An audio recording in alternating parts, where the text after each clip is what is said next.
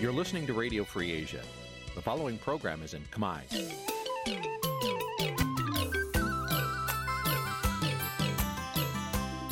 Nǐ chi càm bi tiệp xáy vệt chiu a zì sáy. Nǐ chi càm bi tiệp xáy របស់ vệt chiu a zì sáy ជាភាសាខ្មែរ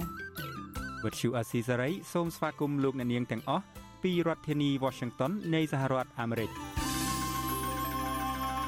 ជាប្រធានាធិបតី Washington នាងខ្ញុំម៉ៃសុធានីសូមជម្រាបសួរលោកអ្នកស្ដាប់ទាំងអស់ជាទីមេត្រីចាយើងខ្ញុំសូមជូនការផ្សាយសម្រាប់ព្រឹកថ្ងៃសុក្រ800ខែបគុណឆ្នាំឆ្លូវត្រីស័កពុទ្ធសករាជ2565ហើយដល់ត្រូវនៅថ្ងៃទី25ខែមីនាគ្រិស្តសករាជ2022ជាដំបូងនេះសូមអញ្ជើញលោកអ្នកនាងកញ្ញាស្ដាប់ព័ត៌មានប្រចាំថ្ងៃដែលមានមេត្តាដូចតទៅ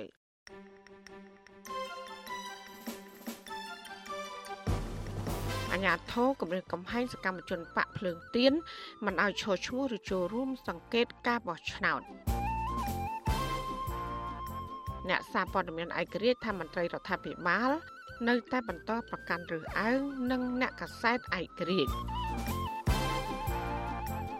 បរដ្ឋរាប់រយគ្រួសារដែលមានវិបត្តិដីធ្លីថាវិធានការរបស់អាជ្ញាធរខេត្តព្រះវិហារគឺជារឿងអយុត្តិធម៌ សមត្ថកិច្ចខាត់ខ្លួនប្តីប្រពន្ធរឿងចាក់ថ្នាំឲ្យកុមារីម្នាក់បណ្ដាលឲ្យស្វិតជើងរួមនឹងព័ត៌មានផ្សេងផ្សេងមួយចំនួនទៀតជាបន្តទៅទៀតនេះនាងខ្ញុំម៉ៃសុធានីសូមជូនព័ត៌មានទាំងនោះពឺស្ដាចាលោកដានៀងជាទីមេត្រីសកម្មជនគណៈបកភ្លើងទៀន ចោតអាជ្ញាធរមូលដ្ឋាននៅខេត្តមួយចំនួន ថាបានគម្រិតកំហែង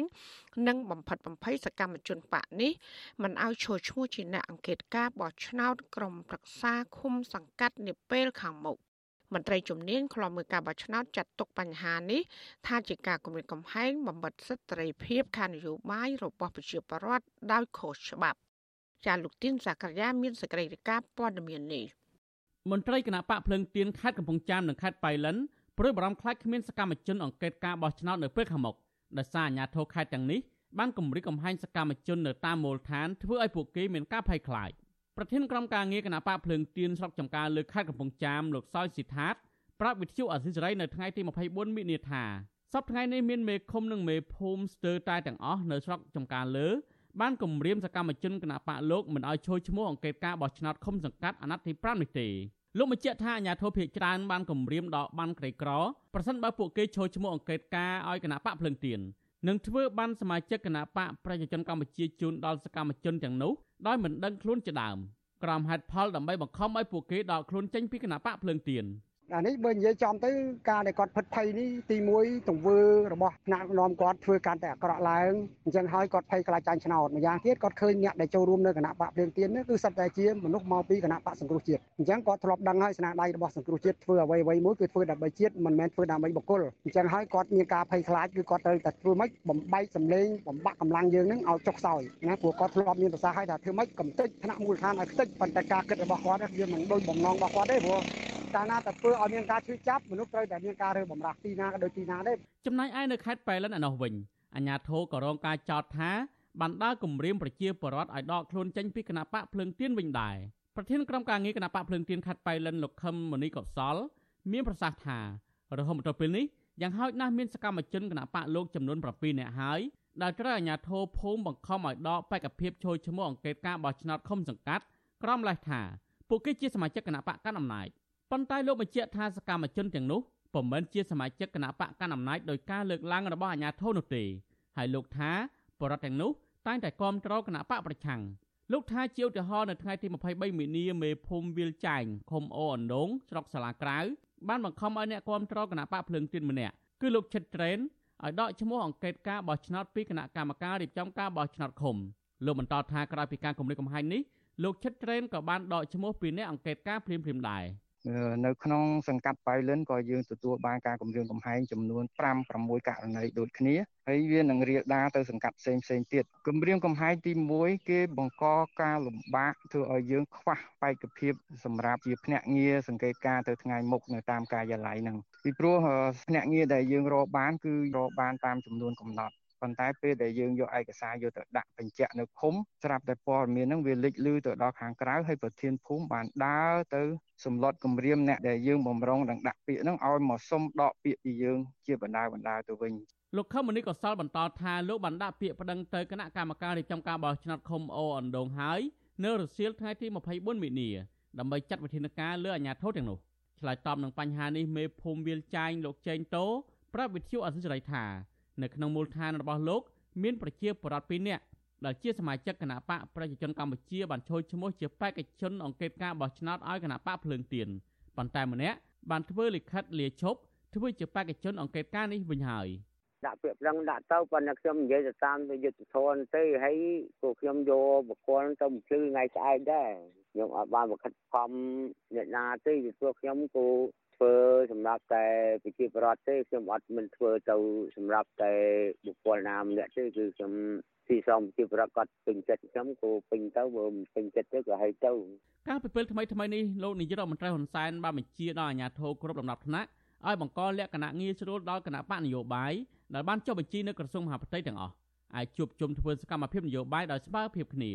លោកបញ្ជាក់ថាអ្វីត្បិតតែយុទ្ធនាការឃោសនាបោះឆ្នោតនៅរយៈពេលយូរទៀតក៏ដោយ ក៏គណៈបកនយោបាយត្រូវការការជួបជុំគ្នាការរៀបចំបេក្ខភាពឬលើកស្លាកដូច្នេះអាជ្ញាធរមិនត្រូវបង្កការលំបាកគ្រប់រូបភាពនោះឡើយទោះជាយ៉ាងណានាយកប្រតិបត្តិអង្គការ Netflix លោកសំគុណធីមី មានប្រសាសន៍ថាសកម្មភាពរបស់អាជ្ញាធរធ្វើបែបនេះជាការគំរាមកំហែងប្រជាពលរដ្ឋឲ្យខុសច្បាប់និងមិនបានអនុវត្តតាមបទបញ្ជារបស់ក្រសួងមហាផ្ទៃនៅលោកហ៊ុនសែននោះទេលោកបញ្ជាក់ថាប្រជាពលរដ្ឋគ្រប់រូបមានសិទ្ធិចូលរួមក្នុងជីវភាពនយោបាយជាមួយគណៈបកណាដែលខ្លួនពេញចិត្តដោយស្របតាមរដ្ឋធម្មនុញ្ញ សម្ដេចនាយករដ្ឋមន្ត្រីគាត់លើកមុនក៏បានចេញណែនាំឲ្យហើយសម្ដេចសខេងនេះចឹងដែរចឹងបានថាអាជ្ញាធរនេះយើងចង់ឲ្យក្រសួងមហាផ្ទៃមានវិធានការទៅលើអាជ្ញាធរណាដែលគាត់ប្រព្រឹត្តខុសច្បាប់ដើរទៅគម្រាមកំហែងទៅដកគេតាំងពីអាដេញបានក្រីក្រតាំងពីស្អីសពអាយ៉ាហ្នឹងមិនត្រូវទេអាហ្នឹងអាហ្នឹងអាហ្នឹងរដ្ឋាភិបាលទេជាអ្នកគ្រប់គ្រងជាអ្នកចែកហើយយើងដើរតួអាជ្ញាធរមូលដ្ឋានដើរតួតំណាងរបស់រដ្ឋាភិបាលហើយបើយើងទៅធ្វើបាបគ្នាចឹងមិនកើតបាទអានេះសិទ្ធិនយោបាយប្រកបណា របាយការណ៍របស់កោជបឲ្យដឹងថាការបោះឆ្នោតឃុំសង្កាត់អាណត្តិទី5នេះនឹងប្រព្រឹត្តទៅនៅថ្ងៃទី5ខែមិថុនាខាងមុខដោយមានគណៈបកនយោបាយចំនួន17បានដាក់បេក្ខជនចូលឈ្មោះក្នុងចំណោមនោះមានគណៈបកតែ2ប៉ុណ្ណោះដែលបានដាក់បេក្ខជនប្រដំប្រសងគ្នានឹងគណៈបកប្រជាជនកម្ពុជារបស់លោកហ៊ុនសែនដែលបានដាក់បេក្ខជនគ្រប់100%និងគណៈបកភ្លើងទៀនបានដាក់បេក្ខជនជិតគ្រប់100%ក្នុងចំណោមឃុំសង្កាត់សរុបជាង1600ឃុំសង្កាត់ទូទាំងប្រទេស ទោះជាយ៉ាងណាឆ្លងពេលដល់ការបោះឆ្នោតកាន់តែខិតជិតមកដល់សកម្មជនគណៈបកភ្លើងទៀនស្ទើរតែគ្រប់ខេត្តត្រូវបានអាជ្ញាធរគណៈបកកាន់អំណាចរារាំងនឹងគម្រាមកំហែងជាបន្តបន្ទាប់មន្ត្រីខ្លំមើលការបោះឆ្នោតយល់ថាបើសិនជាបរិយាកាសនៅតែបន្តអាប់អួរបែបនេះដំណើរការបោះឆ្នោតឃុំសង្កាត់ឆ្នាំ2022នេះនឹងមិនប្រកបដោយសេរីត្រឹមត្រូវនិងយុត្តិធម៌នោះឡើយខ្ញុំធីនសាការីយ៉ាអស៊ីសេរីប្រធានីវ៉ាស៊ីនតោនលោកអ្នកនាងជាទីមេត្រីពាក់ព័ន្ធនឹងរឿងគណៈបកនយោបាយនេះដែរ ស្ថាបនិកគណៈបកបេះដូងជាតិលោកសៀមភ្លុកអំពាវនាវដល់ស្ថាបនិកនិងសមាជិកគណៈបកនេះឲ្យចូលរួមសកម្មភាពនយោបាយជាមួយនឹងគណៈបកភ្លឹងទៀនក្រោយដែលគណៈបកនេះត្រូវបានក្រសួងមហាផ្ទៃបដិសេធមិនឲ្យចុះបញ្ជីនិងត្រូវលុបចោលពីបញ្ជីគណៈបកនយោបាយលោកសៀមភ្លុកបញ្ជាក់ថាដោយសារតែការសម្រេចរបស់ក្រសួងមហាផ្ទៃបានធ្វើឲ្យគណៈបកលោកមិនអាចធ្វើសកម្មភាពចូលរួមការប្រកួតប្រជែងតាមឆន្ទៈ ហេតុនេះលោកក៏សម្រេចគ្រប់គ្រងជំហរនិងសកម្មភាពនយោបាយរបស់គណៈបកភ្លើងទៀនវិញក្រសួងមហាផ្ទៃសម្រេចបញ្ចុះបញ្ជីឲ្យគណៈបកបេះដូងជាតិក្រោមហេតុផលថាមានកំហុសពាក់ព័ន្ធនឹងស្នាមមេដៃអ្នកគ្រប់គ្រងរបស់គណៈបកដូចជាស្នាមមេដៃបុគ្គលមួយចំនួនខុសពីស្នាមមេដៃនៅក្នុងអត្តសញ្ញាណប័ណ្ណការសង្ស័យពីការក្លែងស្នាមមេដៃនិងស្នាមមេដៃខូចគុណភាពมันអាចធ្វើកសោវិច័យបានជាដើម លើពីនេះក្រសួងមហាផ្ទៃក៏បានចោទថាលក្ខន្តិកៈរបស់គណៈបកផ្ទុយនឹងច្បាប់ស្ដីពីគណៈបកនយោបាយកាលពីខែធ្នូតឡាការកំពូល បានបដិសេធសំណើរបស់លោកសៀមភ្លុកដែលសុំឲ្យក្រសួងដកការសម្រេចដែលមិនផ្ដល់សុពលភាពដល់គណៈបកបន្ទាប់មកកាលពីដើមខែមីនានេះលោកសខេងរដ្ឋមន្ត្រីក្រសួងមហាផ្ទៃក៏បានសម្រេចដកឈ្មោះគណៈបកចេញពីបញ្ជីគណៈបកនយោបាយ។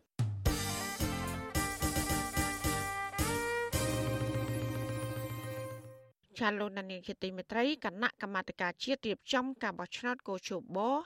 បានចាប់ឆ្នោតកំណត់លំដាប់លេខរៀងបញ្ជីបេក្ខជនលើសញ្ញាឆ្នោត សម្រាប់ការបោះឆ្នោតជ្រើសរើសក្រុមប្រឹក្សាឃុំសង្កាត់អាណត្តិទី5ឆ្នាំ2022នេះ បានចំនួន1428ឃុំសង្កាត់ ក្នុងចំណោមឃុំសង្កាត់ទាំងអស់ចំនួន1652គិតត្រឹមថ្ងៃទី23ខែមិនិនា កោជបកំពុងបន្តនីតិវិធីចាប់លេខរៀងបេក្ខជននៃគណៈបណ្ឌនយោបាយទាំង17នេះជាបន្តទៀតនៅទូទាំង25ខេត្តក្រុងបន្ទាប់ពីបានរៀបចំនៅខេត្តមួយចំនួន បានបញ្ចប់ទាំងស្រុងដូចជានៅខេត្តត្បូងឃ្មុំកែបស្ទឹងត្រែងនិងខេត្តសៀមរាបជាដើមនៅទន្ទឹមការរៀបចំលេខរៀងបេក្ខជននៅលើសញ្ញាឆ្នោតនេះ គូជបក៏បានប្រកាសលទ្ធផលដំណោះស្រាយបណ្ដឹង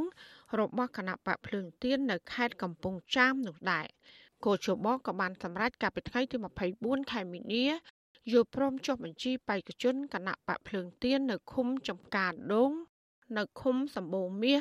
និងនៅ សង្កាត់វាវងខេត្តកំពង់ចាមសម្រាប់ការបោះឆ្នោតជ្រើសរើសសមាជិកក្រុមប្រឹក្សាឃុំសង្កាត់នាពេលខាងមុខ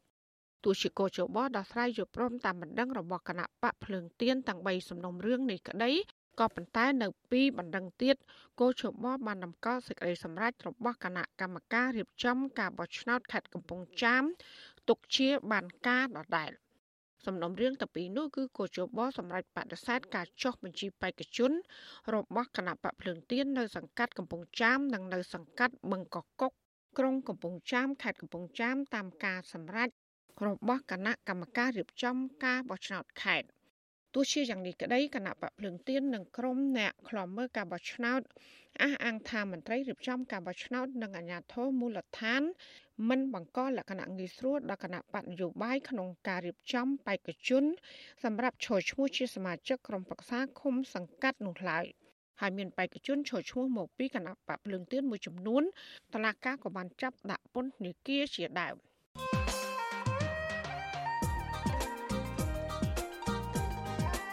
លោកអ្នកនាងជាទីមេត្រីគណៈបកកម្ពុជានិយមត្រៀមនឹងចូលរួមការបោះឆ្នោតជ្រើសរើសសមាជិកក្រុមប្រឹក្សាឃុំសង្កាត់ នៅខែមិថុនាខាងមុខគណៈបកនេះផ្ដោតលើការកែតម្រង់សេវាសាធារណៈនៅថ្នាក់មូលដ្ឋានជាអតិភិបក្នុងចំណោមគោលនយោបាយដទៃទៀតតើគណៈបកកម្ពុជានិយមនឹងកែតម្រង់ប្រព័ន្ធផ្ដល់សេវាសាធារណៈនៅថ្នាក់មូលដ្ឋានជូនប្រជាពលរដ្ឋយ៉ាងដូចម្តេចខ្លះ ចាលោកដានៀងនឹងបានស្ដាប់ការបកស្រាយទៅនឹងសំណួរនេះដោយផ្ទាល់នៅក្នុងនេតិវេទិកាអ្នកស្ដាប់បច្ចុប្បន្នអសីស្រីនៅយប់ថ្ងៃសុក្រនេះដែលសម្រាប់សម្រួលដោយលោកជុនច័ន្ទបុតវាគ្មិនដែលនឹងចូលរួមក្នុងកិច្ចពិភាក្សានេះគឺប្រធានគណៈបកកម្ពុជានិយមលោកយ៉ែមពុញ្ញរិទ្ធ លោកណានៀងអាចសាកសួរវាគ្មិនរបស់យើងឬក៏បញ្ចេញមតិយោបល់សូមដាក់លេខទូរស័ព្ទរបស់លោកអ្នកនៅក្នុងខ្ទង់ comment Facebook ឬ YouTube របស់វិទ្យុអសីស្រីក្រុមការងាររបស់យើងនឹងហៅទៅលោកដានៀងវិញចាសសូមអរគុណ លោកនានីជាទីមេត្រីដែលឡាយតាក់ទងនឹងវិស័យព័ត៌មានវិញ អ្នកធ្វើការងារផ្នែកប្រព័ន្ធផ្សព្វផ្សាយនិងអ្នកសារព័ត៌មានឯករាជ្យថាមន្ត្រីរដ្ឋាភិបាលនៅតែបន្តប្រកាន់និន្នាការលើអ្នកកាសែតការលើកឡើងនេះក្រោយដែលរដ្ឋមន្ត្រីក្រសួងព័ត៌មានជំរុញទៅមន្ត្រីរាជការកុំឲ្យយកអ្នកកសែតធ្វើជាសត្រូវក៏ប៉ុន្តែត្រូវចេះសហការផ្ដល់ព័ត៌មានជូនគ្នាទៅវិញទៅមកចាប់ពីរដ្ឋធានី Washington លោកមានរិទ្ធរាយការណ៍ព័ត៌មាននេះ អ្នកធ្វើការងារផ្នែកប្រព័ន្ធផ្សព្វផ្សាយនិងអ្នកសារព័ត៌មានឯករាជ្យលើកឡើងថាអ្នកសារព័ត៌មាននៅតែរងសម្ពាធនយោបាយនិងស្ថិតក្រោមការដាក់គំនាបពីមន្ត្រីរដ្ឋាភិបាលដដែលពួកគេលើកឡើងទៀតថាអ្នកកាសែតដែលចោទសួរសំណួរបែបវិជ្ជមានក៏ទទួលបានការស្វាគមន៍ក៏ប៉ុន្តែបើមានការចោទសួររឿងរ៉ាវបែបស៊ីជម្រៅឬសំណួរបែបប្រសើបនោះនោះពួកគេមិនទទួលបានកិច្ចសហការពីមន្ត្រីរដ្ឋាភិបាលនោះឡើយ អ្នកសារព័ត៌មានឯករាជ្យម្នាក់លោកមិនពៅឲ្យដឹងថាមន្ត្រីរដ្ឋាភិបាលមួយចំនួនមិនទាន់បើកចិត្តទូលាយដើម្បីធ្វើការងារឬផ្ដល់ព័ត៌មានដល់អ្នកសារព័ត៌មាននៅឡើយទេលោកបន្តថាទន្ទឹមគ្នានោះអ្នកកសែតខ្លះក៏ត្រូវមន្ត្រីរដ្ឋាភិបាលប្តឹងព្រោះការបំពេញការងាររបស់ខ្លួនលោកឲ្យដឹងទៀតថាចំពោះករណីរបស់លោកផ្ទាល់ដែលនៅសរសេរព័ត៌មានបែបស៊ើបអង្កេតឬពីភាពខ្វះចន្លោះនៃការអនុវត្តការងាររបស់អាជ្ញាធរ គឺគឺតែងតែត្រូវបានមន្ត្រីទាំងនោះច្រានចោលការរកឃើញរបស់លោកបើកចិត្តក្នុងការលាតត្រដាងអ្វីជាការពិតហើយគាត់បើកចិត្តក្នុងការនិយាយជាមួយអ្នកសារព័ត៌មានណាកាលណាគាត់និយាយភាសាអ្នកសារព័ត៌មានមិនមែនបានគាត់ប្រាប់អ្នកសារព័ត៌មានទេគឺគាត់ប្រាប់ទៅមហាជនឲ្យដឹងការពិតទៅវិញណាព្រោះកន្លងមកយើងឃើញថានៅមានតិចតួចឡើយអ្នកដែលបើកចិត្តមន្ត្រីដែលគាត់បើកចិត្តនិយាយមួយអ្នកព័ត៌មានណាចំណែកឯនាយកប្រតិបត្តិសម្ព័ន្ធអ្នកសារព័ត៌មានកម្ពុជា ហៅកាត់ថា Cambodia វិញ លោកណូវីលោកសង្កេតឃើញថាមន្ត្រីរាជការប្រកាន់បពពួកទៅលើអ្នកសារព័ត៌មានលោកបន្តទៀតថាអ្នកសារព័ត៌មានដែលមាននិន្នាការគ្រប់គ្រងរដ្ឋាភិបាល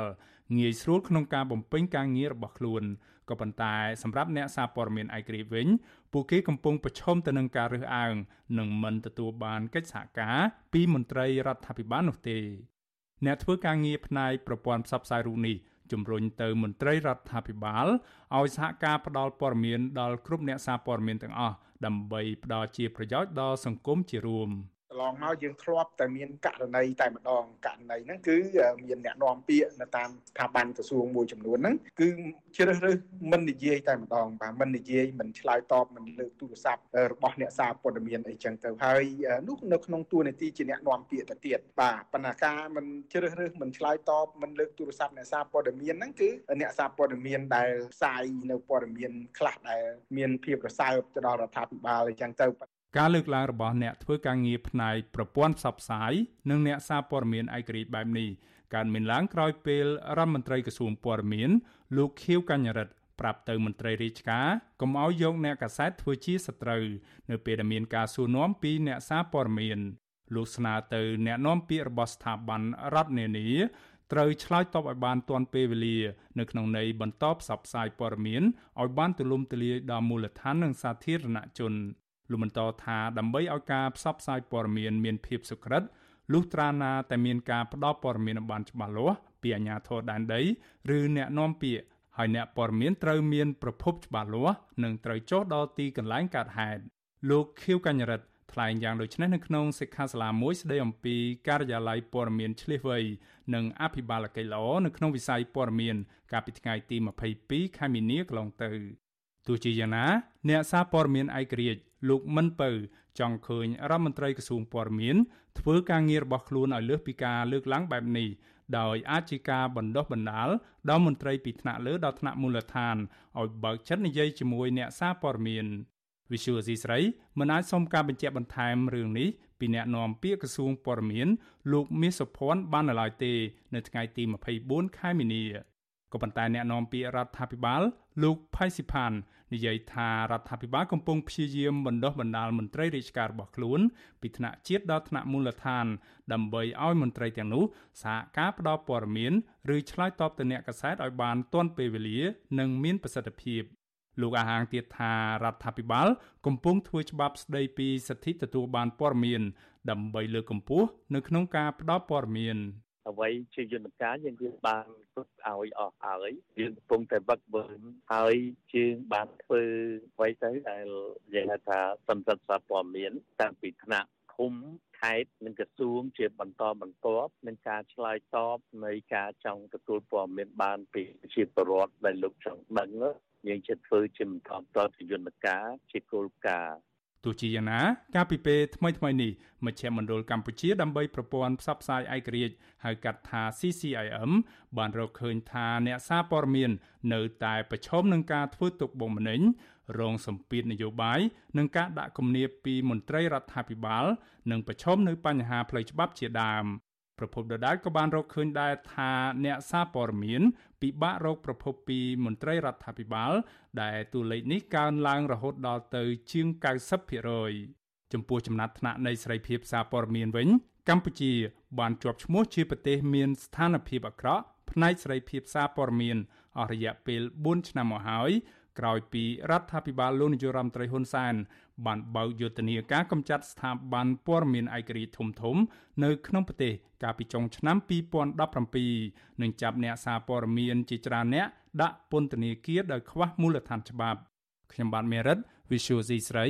រាយការណ៍ពីរដ្ឋធានី Washington ចាលោកនាងជាទីមេត្រីក្រុមកម្លាំងអាជ្ញាធរបន្តប្រើអំពើហិង្សាលើក្រុមគុតកោ Nagawal ជាង100នាក់ដែលបានចេញតវ៉ាដោយសន្តិវិធីទាមទារឲ្យថៅកែក្រុមហ៊ុនគ្រប់សិទ្ធិសហជីពនៅកន្លែងការងារកម្លាំងអាជ្ញាធររាប់រយនាក់ព្យាយាមរារាំងក្រុមគុតកោ Nagawal កាន់តែខ្លាំងដោយបំបែកគុតកោមិនឲ្យពួកគាត់ប្រមូលផ្ដុំគ្នាឈរទាមទារដំណោះស្រាយដោយសន្តិវិធីនៅក្បែរអគារក្រុមហ៊ុនទៀតឡើយ។ អាជ្ញាធរក៏បានដាក់កម្លាំងពង្រាយកាន់តែច្រើនព្រមទាំងបិទផ្លូវគ្រប់ច្រកល្ហកចូលទៅអគារក្រុមហ៊ុន និងបង្ខំឲ្យក្រុមគុតកោឡើងរថយន្តដែលចតចាំស្រាប់ហើយដឹកពួកគាត់ទៅទម្លាក់នៅតំបន់ដាច់ស្រយាលគុតកោនឹងជាបុគ្គលិកក្រុមហ៊ុន Nagawer លោកស្រីឡាយសឿប្រាប់វិទ្យុស៊ីស្រីនៅថ្ងៃទី24ខែមីនាថាអាញាធរបានដឹកគុតកោយកទៅទម្លាក់នៅតំបន់ជ័យក្រុងក្នុងខណ្ឌប្រែកភ្នៅ សូម្បីបន្ទប់ទឹកក៏មិនមានប្រើប្រាស់នោះឡើយលោកស្រីបន្តថាពេលអាជ្ញាធរដឹកពួកគាត់ទៅដល់តំបន់ជ័យក្រុងអាជ្ញាធរក៏ឲ្យកុតកោសម្រាប់លើឡានរហូតដល់ម៉ោង6ល្ងាចទើបដឹកពួកគាត់មកកន្លែងដើមវិញលោកស្រីរិគុណចំណាត់ការអាញាធរបែបនេះថាជាលេសក្នុងការបង្ក្រាបលើកោតកោនិងព្យាយាមការពារអំណាចឲ្យក្រុមហ៊ុនដើម្បីពន្យាពេលរកដំណោះស្រាយត្រឹមត្រូវតែប៉ុណ្ណោះ គេចេតនាក្រុមហ៊ុនអត់ចង់ដោះស្រាយអីទេគាត់យកពួកខ្ញុំមកឆ្លាតពីទីក្រុងកុំឲ្យគេដឹងឮចឹងគាត់ចេញវេះនឹងដោះស្រាយដឹកសំណួរគាត់ត្រូវគាត់ត្រូវដោះស្រាយឲ្យបុគ្គលិកចឹងក្រុមហ៊ុននឹងចេញវេះហ្មងខាងអាជ្ញាធរដែរគាត់ព្រោះគឺគាត់មកគាត់អត់មានសម្រាប់សម្រួលទេគឺគាត់ធ្វើអំពើហិង្សាគាត់ច្រឡំរឿងយកហ៊ានដល់ការហ៊ានហ៊ានវាយគេខ្ញុំទៀតហ្មង ក្រុមគឧតកោឲ្យដឹងទៀតថាអាញាធរក៏បានបើករថយន្តដល់ផ្ទះរបស់គឧតកោដែលជួលនៅម្ដុំផ្សារ Pencer និងបានបង្ខំឲ្យគឧតកោឡើងរថយន្តរួចដឹកពួកគាត់ទៅទម្លាក់នៅតំបន់ក្បែរសួនសត្វក្បែរវិមានឈ្នះឈ្នះក្រុមគឧតកោចាត់ទុកទង្វើរបស់អាញាធរបែបនេះថាជាការគំរាមកំហែងបំផិតបំភ័យនិងបានរំលោភបំពានសិទ្ធិជាមូលដ្ឋានរបស់ពួកគាត់ធ្ងន់ធ្ងរ ក្នុងរយៈពេលប្រមាណថ្ងៃចុងក្រោយនេះអាជ្ញាធរក្រុងភ្នំពេញបានបង្កើនការប្រាហឹង្សាកាន់តែខ្លាំងទៅលើក្រុមគុតកោដែលទាមទាររកដំណោះស្រាយស្របពេលដែលការចរចាដោះស្រាយវិវាទការងារនេះនៅតែមានភាពតានតឹងដោយថៅកែក្រុមហ៊ុន នៅតែបន្តបដិសេធទទួលយកសមាជិកជាង200នាក់ឲ្យចូលធ្វើការវិញ ការបដិសេធនេះដោយភាគីក្រុមហ៊ុនអះអាង ថាបុគ្គលិកដែលបម្រើការងារក្នុងបនលបែងមួយនេះបច្ចុប្បន្នកំពុងលើសតម្រូវការបុគ្គលិកជាង600នាក់ជុំវិញរឿងនេះអ្នកគ្រប់គ្រងកម្មវិធីសិទ្ធិការងារនៃមជ្ឈមណ្ឌលសម្ព័ន្ធភាពការងារនិងសិទ្ធិមនុស្សហៅកាត់តសង្ត្រាលោកខុនថារ៉ូមានប្រសាសន៍ថាការលើកឡើងរបស់ភាគីក្រុមហ៊ុន ថាលើសតម្រូវការបុគ្គលិកជាង600នាក់ក្នុងកន្លែងការងារគឺជារឿងប្រឌិត ដោយសារតែលោកយល់ឃើញថានេះជាចេតនារបស់ក្រុមហ៊ុន ចង់រំលាយសមាជិកសហជីពជាង200នាក់មិនឲ្យចូលធ្វើការវិញតែប៉ុណ្ណោះលោកបន្តថាក្រុមហ៊ុនបនលបែងមួយនេះកំពុងផ្សព្វផ្សាយពាណិជ្ជកម្មជាច្រើននិងផ្ដល់សិក្ខាកាមជូនបុគ្គលិកថ្មី ដើម្បីវឹកហាត់ពីចរន្តការងារមុនចូលធ្វើការ អញ្ចឹងវាបង្ហាញយ៉ាងច្បាស់ថាក្រុមហ៊ុនគាត់មិនមានភាពស្មោះត្រង់មិនមានចេតនានៅក្នុងការស្វែងរកដំណោះស្រាយវិវាទការងាររួមមួយនឹងទេប្រតិបត្តិការខាងក្រុមហ៊ុនហ្នឹងគឺត្រូវការបុគ្គលិកមានការជ្រើសរើសនៅសិក្ខាកាមចាប់ផ្ដើមហាត់ការជ្រើសរើសជាលក្ខណៈក្រៅប្រព័ន្ធមិនមានការផ្សព្វផ្សាយជាសាធារណៈទេប៉ុន្តែយើងយើងដឹងព័ត៌មានថាខាងក្នុងហ្នឹងគឺត្រូវការបុគ្គលិកនៅក្នុងការបម្រើការងារ ពជអសីស្រីមិនអាចតកតងแนะនាំពាក្យថ្នងការដ្ឋាននគរបាលរាជធានីភ្នំពេញ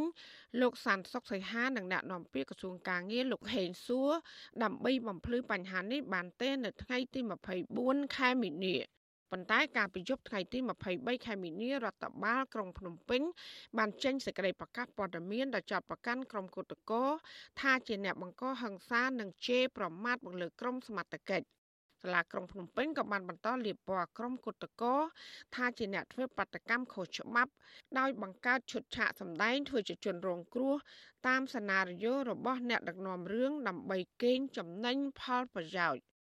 តាក់ទងបញ្ហានេះនាយកទទួលបន្ទុកកិច្ចការទូតនៃអង្គការសិទ្ធិមនុស្សលីកាដូលោកអំសំអាតមានប្រសាសន៍ថាការបន្តចាប់ប្រកាន់មកលើក្រុមកោតកោទាំងគ្មានមូលដ្ឋានបែបនេះ មិនមែនជាជំរើសល្អសម្រាប់ការដោះស្រាយបញ្ចប់វិវាទនេះឡើយមន្ត្រីខ្លំមើលសិទ្ធិមនុស្សរូបនេះមើលឃើញថាតំណាងសហជីពបានបន្ទន់អេរយាប័តច្រើនជាមួយនឹងភាគីក្រុមហ៊ុនដូចនេះលោកថាក្រសួងការងារគួរណាតែមានឆន្ទៈដោយឈលលើភាពអព្យាក្រឹតជំរុញឲ្យភាគីក្រុមហ៊ុនព្រមចរចាគ្រប់តាមលក្ខខណ្ឌក្នុងការដោះស្រាយបញ្ហាទាំង9ចំណុចទៅតាមដំណាក់កាលនីមួយៗ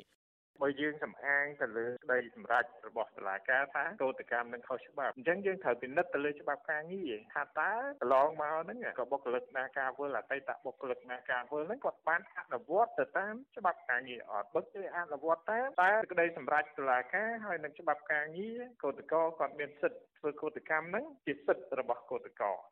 ក្រុមកោតក្រថាពួកគាត់នឹងមិនបោះបង់ការធ្វើកោតកម្មនេះឡើយបើសិនបើមិនមានដំណោះស្រាយសមរម្យណាមួយពីថៅកែក្រុមហ៊ុន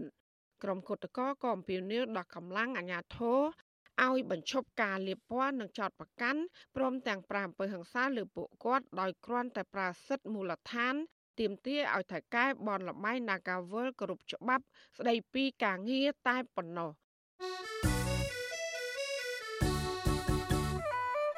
ចាលោកនាងជាទីមេត្រីវិទ្យុអសីស្រីផ្សាយតាមរលក ធាតុអាកាសខ្លីឬ short wave តាមកម្រិតនិងកម្ពស់ដូចតទៅចាប់ពេលព្រឹកចាប់ពីម៉ោង5កន្លះដល់ម៉ោង6កន្លះតាមរយៈរលកធាតុអាកាសខ្លី9390 kHz ស្មើនឹងកម្ពស់ 32m និង11850 kHz ស្មើនឹងកម្ពស់ 25m ចាស់សម្រាប់ពេលយប់ចាប់ពីម៉ោង7កន្លះដល់ម៉ោង8កន្លះគឺតាមរយៈរលកថេដាកាខ្លី9390 kHz ស្មើនឹងកម្ពស់ 32m និង15155 kHz ស្មើនឹងកម្ពស់ 20m ចាសសូមអរគុណចាលោកនាងជាទីមេត្រីនៅឯខេត្តកំពង់ឆ្នាំងឯនោះវិញ សមត្ថកិច្ចខេត្តនេះបានឃាត់ខ្លួនប្រិយប្រពន្ធបញ្ជូនទៅស្នងការដ្ឋានខេត្តពាក់ព័ន្ធករណីព្យាបាលកុមារីម្នាក់បណ្ដាលឲ្យស្វិតជើងអគ្គស្នងការដ្ឋាននគរបាលខេត្តកំពង់ឆ្នាំងលោកខៅលីបានប្រាប់កាសែតភ្នំពេញប៉ុស្តិ៍កាលពីថ្ងៃទី23ខែមីនាថាប៉ូលីសបានឃាត់ខ្លួនជនសង្ស័យជាប្តីដែលជាគ្រូពេទ្យយោធាឈ្មោះសូសារឿន និងភរិយាបន្ទាប់ពីអាណាព្យាបាលកុមារីរងគ្រោះបានប្តឹងមកសមត្ថកិច្ចកុមារីរងគ្រោះអាយុ9ឆ្នាំរស់នៅជាមួយជីដូន នៅក្នុងឃុំខ្លុងពពកខេត្តកំពង់ឆ្នាំងហើយដែលមានឪពុកឈ្មោះហែមប៊ុនហុងបច្ចុប្បន្នកំពុងធ្វើការនៅរស់នៅប្រទេសកូរ៉េខាងត្បូងជីដូនបានយកកុមារីរូបនោះទៅពិនិត្យព្យាបាលនៅកន្លែងបើកព្យាបាលអ្នកជំងឺ នៅផ្ទះរបស់ជនសង្ស័យ លោកខៅលីក៏បានបញ្ជាក់ថាជនរងគ្រោះបានយកក្មេងទៅព្យាបាលក៏ប៉ុន្តែប្តីដែលជាពេទ្យទាហាន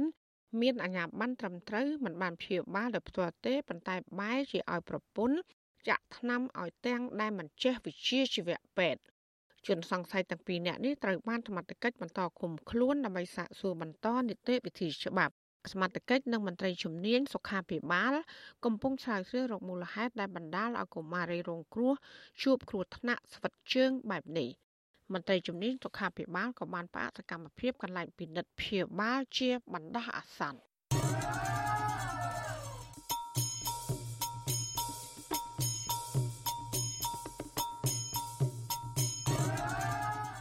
ចាលោកដានីលជាទីមេត្រីជនជាតិដើមភាគតិចគួយរាប់រយគូសារស់នៅខេត្តព្រះវិហារចាត់ទុកវិធានការរបស់អាជ្ញាធរខេត្តនេះដែលបានបង្គាប់ឲ្យបរដ្ឋមូលដ្ឋានឈប់ធ្វើស្រែចម្ការ នៅក្នុងបរិវេណដីសម្បត្តិសេដ្ឋកិច្ចរបស់ក្រុមហ៊ុនចិនហេងហ្វូថាជារឿងអយុត្តិធម៌ហើយនឹងលំអៀង អ្នកភូមិអះអាងថាកន្លងទៅពួកគាត់បានប្តឹងទាមទារដីស្រែចម្ការ ដែលបង្កបង្កើនផលត្រូវបានក្រុមហ៊ុនចិនហេងហ្វូរំលោភយកជិត10ឆ្នាំមកហើយនោះក៏ប៉ុន្តែគ្មានដំណោះស្រាយលោកលេងម៉ាលីរាយការណ៍ព័ត៌មាននេះជនជាតិដើមភាគតិចគួយជិត1000គ្រួសាររស់នៅឃុំប្រមេស្រុកត្បែងមានជ័យបន្តទាមទារដីមានចំនួនជាមួយក្រុមហ៊ុនស្កអំពើចិនដើម្បីចុះបញ្ជីដីសមរភាពជូនពលរដ្ឋមូលដ្ឋានអាស្រ័យផលចិញ្ចឹមជីវិតវិញ។ ការលើកឡើងនេះក្រោយពីអាជ្ញាធរខេត្តនេះបានចេញសេចក្តីជូនដំណឹងមួយកាលពីសប្តាហ៍មុនស្នើឲ្យពលរដ្ឋបញ្ឈប់ចូលទន្ទ្រាននិងធ្វើស្រែក្នុងបរិវេណដីរបស់ក្រុមហ៊ុនចិនហើយប្រសិនបើពលរដ្ឋណាមិនអនុវត្តតាមសេចក្តីជូនដំណឹងនេះទេរដ្ឋបាលខេត្តនឹងចាត់ការតាមច្បាប់ប្រធានសហគមន៍ជនជាតិដើមភាគតិចគួយឃុំប្រមេលោកស្រីទេពទឹមប្រាប់វិទ្យុអស៊ីសេរីនៅថ្ងៃទី24មីនាថាអាជ្ញាធរខេត្តព្រះវិហារមិនទាន់ដោះស្រាយសំណុំពរនិងញត្តិរបស់អ្នកភូមិនៅឡើយទេជាច្រើនឆ្នាំមកហើយ លោកស្រីថារយៈពេល3ឆ្នាំកន្លងទៅនេះអាជ្ញាធរខ្លះបានខុបខិតជាមួយកម្មករក្រុមហ៊ុនចិនជួលដីរាប់ពាន់ហិកតាឲ្យពលរដ្ឋចំណូលស្រុកគឺក្នុង1ហិកតា40ម៉ឺនរៀលដោយមិនអនុញ្ញាតឲ្យពលរដ្ឋម្ចាស់ស្រុកចូលទៅបង្កបង្កើនផលលើដីដែលធ្លាប់អាស្រ័យផលជាយូរមកហើយនោះទេ ឆាច់ក៏អីក៏បន្លប្រជាពលរដ្ឋដែលលោកធ្លាប់រស់នៅតំបន់ហ្នឹងលើកអាស្រ័យផលចិញ្ចឹមជីវិតគ្រួសារអញ្ចឹងគ្រូបីជាហាក់ខ្វះអាហ្នឹងមិនទៅទេខុសលោកបំពេញទៅលើចិត្តជំនឿដើមពេលតែយ៉ាងធ្ងន់ធ្ងរដែលគាត់មានដីមានព្រីតែចំណុយគាត់ប្រើប្រាស់អញ្ចឹងហើយពួកខ្ញុំនៅតែទៅបំភ្លឺថាទៅជាជេថាមូលហេតុអីបានហាមឃាត់ប្រជាពលរដ្ឋមិនឲ្យអាស្រ័យផលអញ្ចឹងពលរដ្ឋម្នាក់ទៀតគឺលោកស្រីរឿនខាន់សង្កេតឃើញថា កូនចៅអ្នកភូមិកាន់តែកើនច្រើនធ្វើឲ្យតម្រូវការប្រើប្រាស់ដីធ្លីធ្វើកសិកម្មចិញ្ចឹមគ្រួសារក៏រីកធំឡើងដែរហេតុនេះពលលោកស្រីបន្តអំពាវនាវឲ្យអាជ្ញាធរពន្លឿនការកាត់ជ្រឿលដីពីក្រុមហ៊ុនដើម្បីចុះបញ្ជីដីសមរភាពផ្ដល់លទ្ធភាពឲ្យអ្នកភូមិមានទីកន្លែងដាំដុះនិងឃ្វាលគោក្របី។ ចង់ឲ្យដោះស្រាយថាឲ្យបងប្អូនបានហូបមួយគ្រាប់មួយគ្រាន់សិនកុំឲ្យគ្នាខ្វះខាតអ្នកខ្លះខ្ចីអង្គការអ្នកខ្លះអីជំងឺឈឺស្កាត់អាស្រមក៏គ្នាធ្វើបានតិចដោយសារដីវាជាក់ប៉ុណ្ណឹងក្រុមហ៊ុនវាយកក្រុមហ៊ុនយកច្រើនជាងខ្វៀលទុកតិចដូច្នេះហើយអ្នកខ្លះគ្នាអត់ក៏ចង់ឲ្យអបបាលខេត្តហ្នឹងជួយយ៉ាងណាឲ្យបានបន្ថែមដីនោះទៅលើអ្នកដែលគ្នាបានហូបដូចថាមួយរស់ណាមួយរស់មានលុយកាក់បានលក់បានដូរខ្លះ វិទ្យុអស៊ីសេរីមិនអាចតាក់ទងសុំការបំភ្លឺរឿងនេះពីអភិបាលខេត្តព្រះវិហារលោកប្រាក់សវណ្ណនិងអ្នកនាំពាក្យសាលាខេត្តនេះលោកយ៉ុងកឹមហៀងបាននៅឡើយទេនៅថ្ងៃទី24មីនាដោយសារទូរស័ព្ទហៅចូលច្រើនដងតែគ្មានអ្នកលើកចំណែកតំណាងក្រុមហ៊ុនចិន Hengfo ក៏មិនអាចតាក់ទងបានដែរនៅថ្ងៃដដែលនេះប៉ុន្តែអភិបាលខេត្តព្រះវិហារលោកប្រាក់សវណ្ណបានថ្លែងក្នុងសេចក្តីជូនដំណឹងកាលពីសប្តាហ៍មុនថាក្រុមហ៊ុនចិនបានផ្អាកសកម្មភាពរយៈពេល3ឆ្នាំកន្លងទៅ ដោយសារតែជំងឺ Covid-19 ក៏មានពលរដ្ឋចូលទៅទន្ទ្រាននិងកាន់កាប់បែបអនាធិបតេយ្យនៅទីតាំងដីវិនិយោគលោកស្នើឲ្យពលរដ្ឋត្រូវឈប់ជាបន្ទាន់ចូលទៅទន្ទ្រាននិងធ្វើស្រែក្នុងបរិវេណដីដែលរដ្ឋាភិបាលវិនិយោគឲ្យក្រុមហ៊ុនចិនអ្នកភូមិអះអាងថាគិតត្រឹម2សប្តាហ៍ចុងក្រោយនេះគេឃើញកម្មករក្រុមហ៊ុនចិនជាច្រើនអ្នកពង្រាយចុះពិនិត្យទីតាំងដីនិងហាមឃាត់មិនឲ្យជួលដីឲ្យពលរដ្ឋចំណូលស្រុក ស្របពេលដែលពលរដ្ឋចំណូលស្រុករាប់ពាន់គ្រួសារបានមកជួលដីពីកម្មករក្រុមហ៊ុនចិន3ឆ្នាំកន្លងទៅដើម្បីដាំម្រេចស្រូវនិងដំឡូងមីជាដើមអ្នកភូមិសង្ស័យថាក្រុមហ៊ុននេះនឹងរៀបចំដំណើរការសង្វាក់ផលិតកម្មឡើងវិញនៅឆ្នាំនេះជុំវិញរឿងនេះនាយកប្រតិបត្តិអង្គការពន្លកខ្មែរលោកពឹងសុភ័ណ្ឌចាត់ទុកសេចក្តីប្រកាសព័ត៌មានរបស់អាជ្ញាធរខេត្តនេះថាជារឿងអយុត្តិធម៌សម្រាប់ពលរដ្ឋម្ចាស់ស្រុក លោកបញ្ជាក់ថាដីដែលប្រជាសហគមន៍មូលដ្ឋានទាមទារនិងអាស្រ័យផលកន្លងទៅ គឺជាអតីតដីដែលពលរដ្ឋជនជាតិដើមភាគតិចគួយបង្កបង្កើនផលមុនពេលក្រុមហ៊ុនមកវិនិយោគដំណោះស្រាយវិញមិនដឹងថា អាជ្ញាធរនឹងគាត់ដោះស្រាយយ៉ាងម៉េចជាមួយនឹងមន្ត្រីឬក៏អាជ្ញាធរមួយចំនួនហើយនឹងអ្នកខាងក្រៅដែលមកជួលដីតើតើគាត់ដោះស្រាយយ៉ាងម៉េចដែលបានជួលហើយបានធ្វើហើយនោះអញ្ចឹងណាហើយតាមពិតដីដែលសហគមន៍ចូលទៅប្រើប្រាស់ទាំងអស់នេះគឺជាអតីតដីរបស់គាត់ទេអញ្ចឹងណាបាទអញ្ចឹងវាគាត់នៅមើលឃើញពីភាពអយុត្តិធម៌ក្រុមហ៊ុនសម្បត្តិសេដ្ឋកិច្ច Hengfo ទទួលសិទ្ធិវិនិយោគពីរដ្ឋាភិបាលលើផ្ទៃដីទំហំជាង40000ហិកតា តាំងពីឆ្នាំ2011វិនិយោគដំណាំអំពៅនិងកៅស៊ូក្រុមហ៊ុននេះជាក្រុមហ៊ុនមេនិងមានបទសម្ព័ន្ធក្រុមហ៊ុនចំនួន5ទៀតវត្តមានក្រុមហ៊ុននេះធ្វើឲ្យប៉ះពាល់ដល់ជនជាតិដើមភាគតិចប្រមាណ2000គ្រួសារដែលមានប្រជាពលរដ្ឋប្រមាណ10000នាក់ស្ថិតនៅក្នុងភូមិចំនួន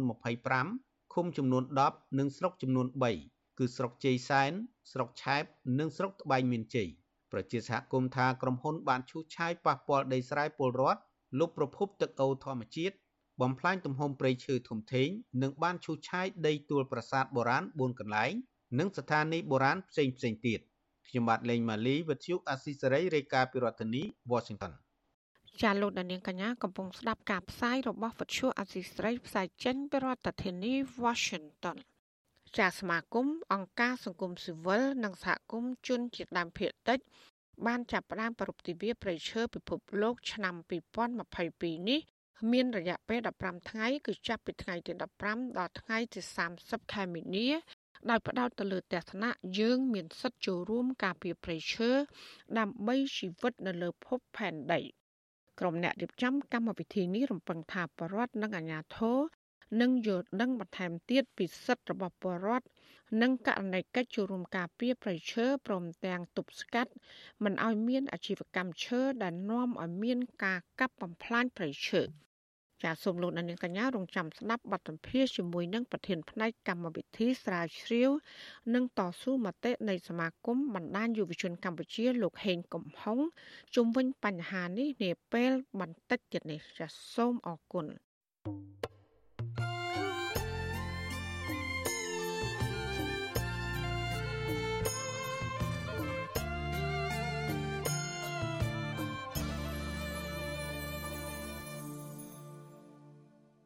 ចាលោកនានីជាទីមេត្រីសហរដ្ឋអាមេរិកប្រកាសគាំទ្រកម្មវិធីអប់រំថ្មី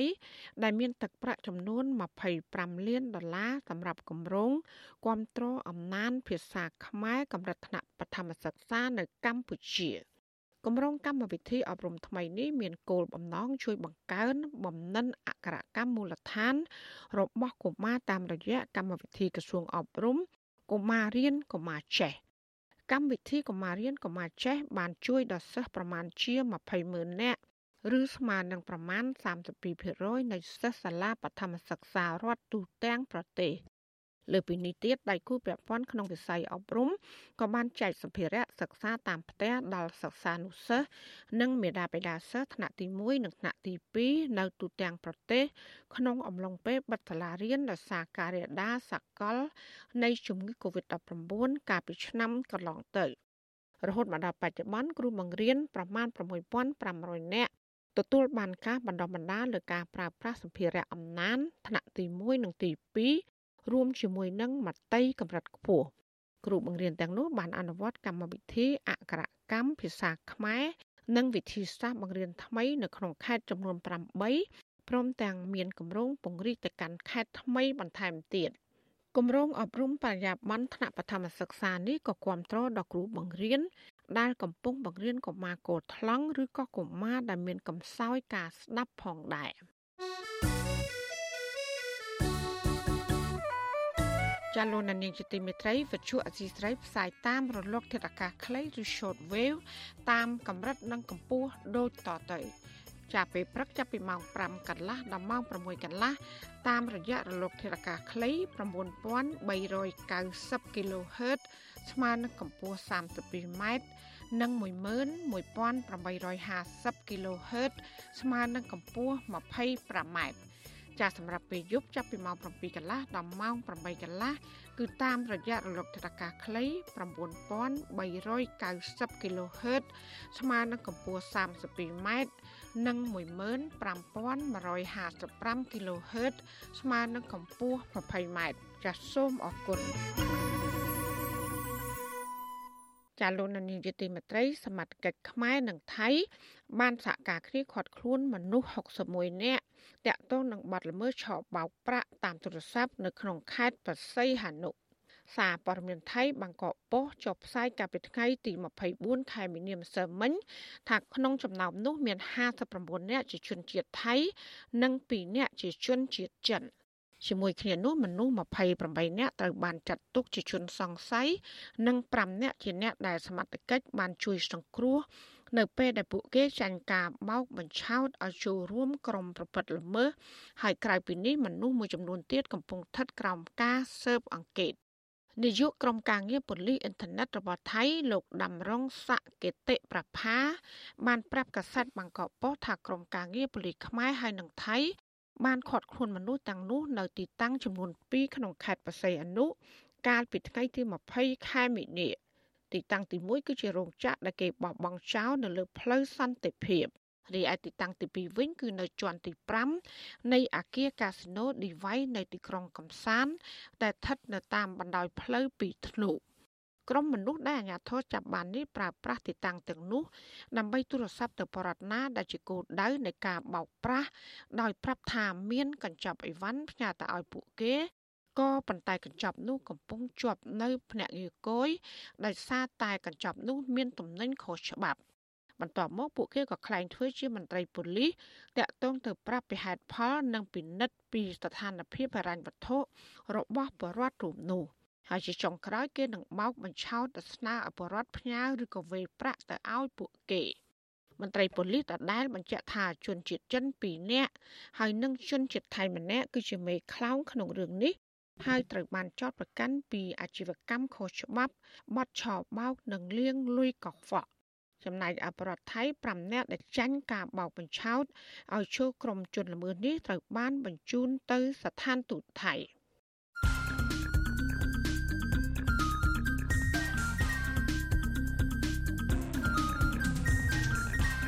បទសំភារ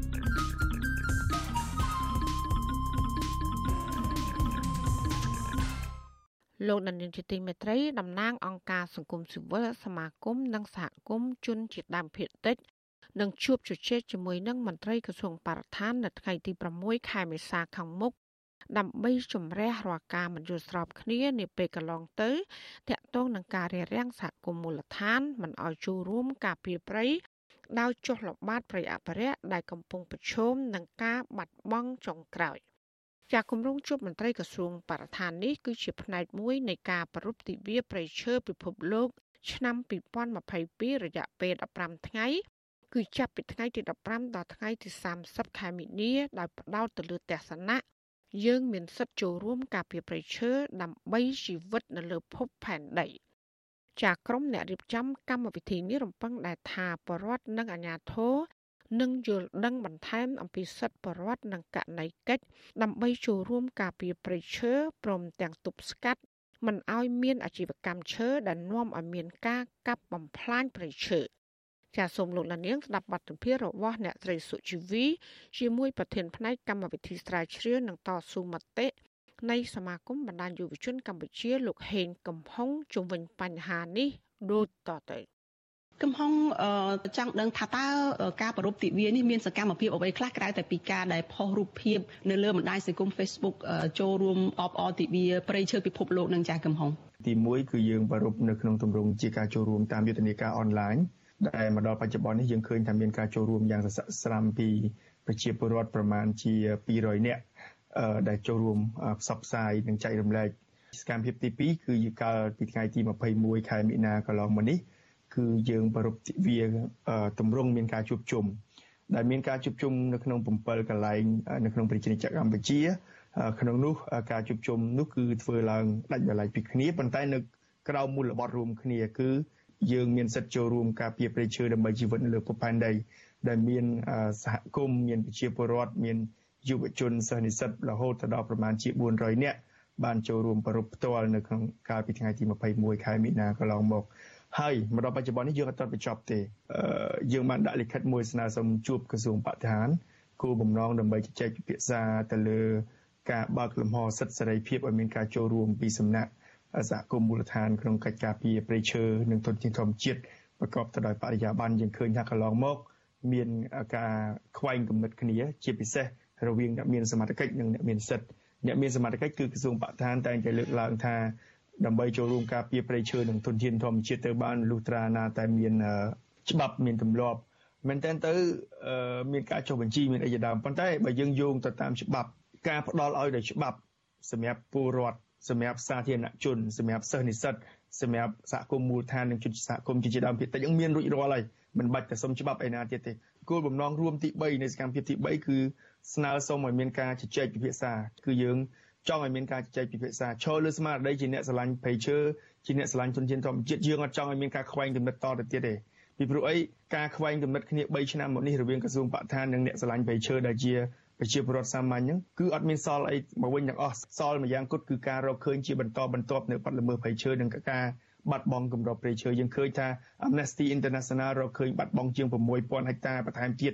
នៅក្នុងតំបន់ព្រៃឡង់ហើយតំបន់ព្រៃព្រះការហើយកន្លងមក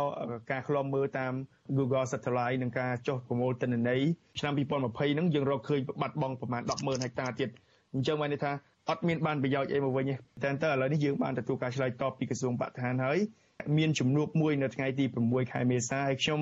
រំពឹងមែនទែននឹងមានលទ្ធផលជាវិជ្ជមានហើយខ្ញុំរំពឹងថាក្រសួងបរិស្ថានប្រកាសជាបើកទូលាយឲ្យសហគមន៍មូលដ្ឋានហើយនិងសង្គមស៊ីវិលបានលើកឡើងអំពីបញ្ហាដែលខ្លួនឯងបានជួបប្រទះកន្លងមកបាទកំហុងតើអ្វីដែលជាមូលហេតុចម្បងដែលធ្វើឲ្យមានការខ្វែងគំនិតគ្នាពេលដែលដឹងថាប្រជាពលរដ្ឋនឹងមានទទួលនីតិសំខាន់ក្នុងការចូលរួមការពារព្រៃឈើដែរនឹងចា៎ បើនិយាយអំពីហេតុផលស៊ីជម្រៅខ្ញុំពិបាកក្នុងការធ្វើវិនិច្ឆ័យដែរពីព្រោះអីបើយើងទៅមើលអត្ថបទច្បាប់គឺអត់មានច្បាប់ណាដែលហាមឃាត់មិនឲ្យប្រជាពលរដ្ឋឬក៏ជនស៊ីវិលនឹងចូលរួមនៅក្នុងការការពារធនធានធម្មជាតិវាអត់មានហេតុផលអីទាល់តែសោះយើងឃើញថា Amnesty International បានចេញរបាយការណ៍មកក៏បានធ្វើការសង្កត់បញ្ជាក់ធ្ងន់ថាផ្នែកខ្លះនៃរឿងហ្នឹងគឺវាពាក់ព័ន្ធជាមួយនឹងអំពើពុករលួយអញ្ចឹងខ្ញុំយល់ថាជារឿងមួយដែលបើសិនជាក្រសួងបរិស្ថានពិតជា មានចេតនាមួយថាដោះស្រាយទៅលើបញ្ហាទាំងអស់នឹងពិតប្រាកដមែនគឺគួរតែមានការបើកទូលាយឲ្យមានការចូលរួមពីសង្គមស៊ីវិលហើយនឹងប្រជាពលរដ្ឋពីព្រោះអីយើងឃើញថាឧទ្យានុរៈប្រមាណ1200នាក់មិនអាចធ្វើការការពារផ្ទៃដីតំបន់ការពារធម្មជាតិ7លាន2សែនហិកតាឬក៏41%នៃផ្ទៃប្រទេសនឹងបាននេះគឺ